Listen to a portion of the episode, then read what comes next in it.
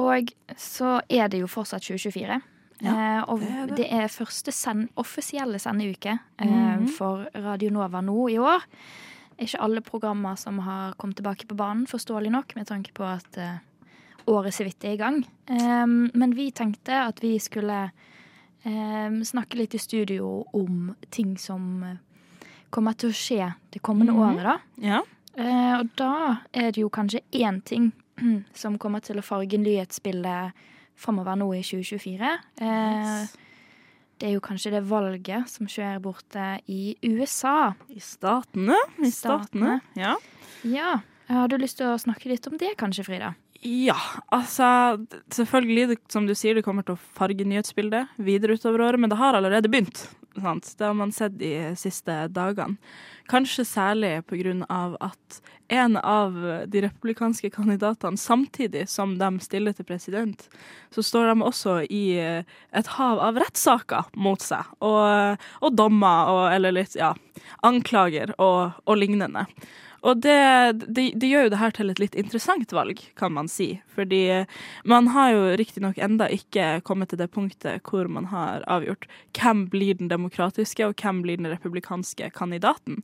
Men det er Man er liksom nå Det virker som man begynner å nærme seg en viss sånn sluttfase, da, kan man si, på på en måte det begynner å bli ganske tydelig hvem som er favorittene både for demokratene og republikanerne. Selvfølgelig har man jo da eh, Biden for uh, demokratene. Han stiller jo på en måte uh, ganske trygt i, uh, i sitt valg der.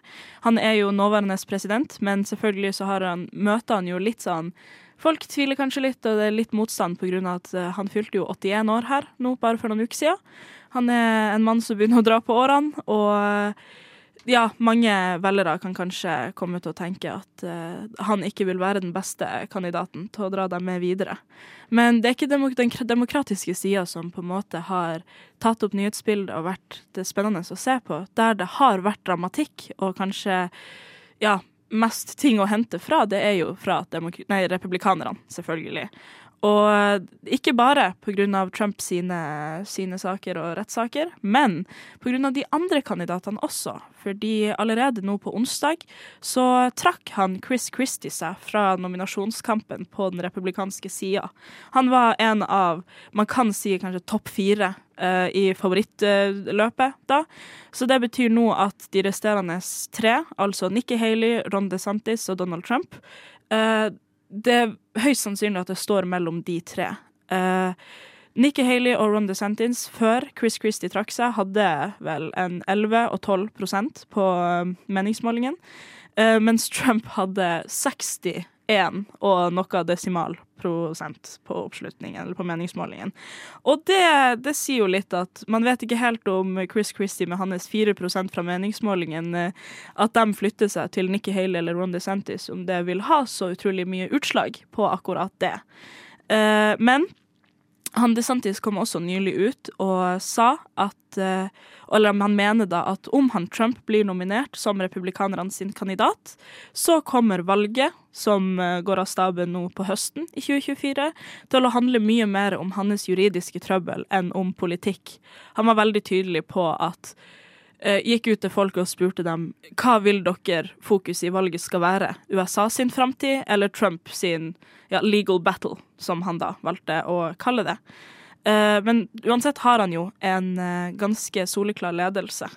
Noe litt interessant som skjedde nå eh, det var På torsdag, var det vel? Så ble sluttprosedyrene i den sivile rettssaken i New York eh, holdt. Der er Trump anklaga for bedrageri i, i staten, og myndighetene krever at han skal betale flere millioner dollar i eh, bøter. Noe veldig interessant med denne rettssaken er at Trump uh, ytra et ønske om å holde sin egen sluttprosedyre i rettssaken. Eh, det er høyst uvanlig.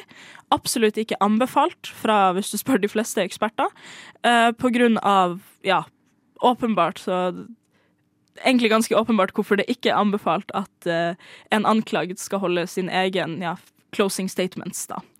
Uh, han fikk ikke anledning til å gjøre det her, fordi dommeren kom med ganske tydelige krav på uh, Ja, på, på han, da, dersom det de- dersom han skulle gjøre det. Og et av de største kravene var at uh, Trump var nødt til å godta begrensninger som skulle hindre han i å bruke rettssalen til å drive valgkamp. Altså at talen hans da skulle bli på en måte brukt som en sånn, et verktøy i hans valgkamp videre. Uh, det nekta han, uh, og derfor fikk han ikke anledning eh, til å gjøre det sjøl, da, rett og slett. Ja, og det er, det er jo på en måte det som er ehm, Kan man si ehm, Altså det med Trump og hans eh, rettssaker er jo kanskje det som de fleste snakker om, da. eh, når de snakker eh, om de republikanske og hvem av de som kommer til å bli stemt fram som ehm, Hva heter det? Ehm, Kandidat? kandidat. Takk. Yes. Mm, mister de mest eh, sentrale ordene. Eh, blant annet vet jeg òg at eh, Colorado, staten Colorado, eh, de har eh, fjernet, eller bestemt seg for å fjerne, Trump fra valglistene i staten mm på grunn av hans eh, tilknytning eh, til eh, stormingen av eh, The Capitol Building. 6. januar. 6. Yes. januar. Mm. Det, det har, eh, har de gjort, men eh, det var vel i, i desember så anka han eh, avgjørelsen til, eh, til eh, staten Colorado. Eh, mer enn som så eh, vet man ikke, men man vet at Trump gikk veldig hardt ut og sa at nei, det, sånn kan vi ikke ha det, rett og slett. Så det er rett og slett mye eh, som Mm. skjer på den kanten Det er dramatisk, altså. Det er virkelig dramatisk. Det er bare Altså, det er en, en grunn til at eh, det kommer til å farge nyhetsbildet i 2024, Mm. for å si det sånn. Absolutt. Og som, eh, som jeg nevnte, han, eh, Biden begynner jo å dra på årene. Selv Aftenposten omtalte han som en alderssvekka presidentkandidat, som jeg syns var et, et, et godt, men et litt artig ordbruk å bruke på en, den nåværende presidenten i en av verdens største nasjoner.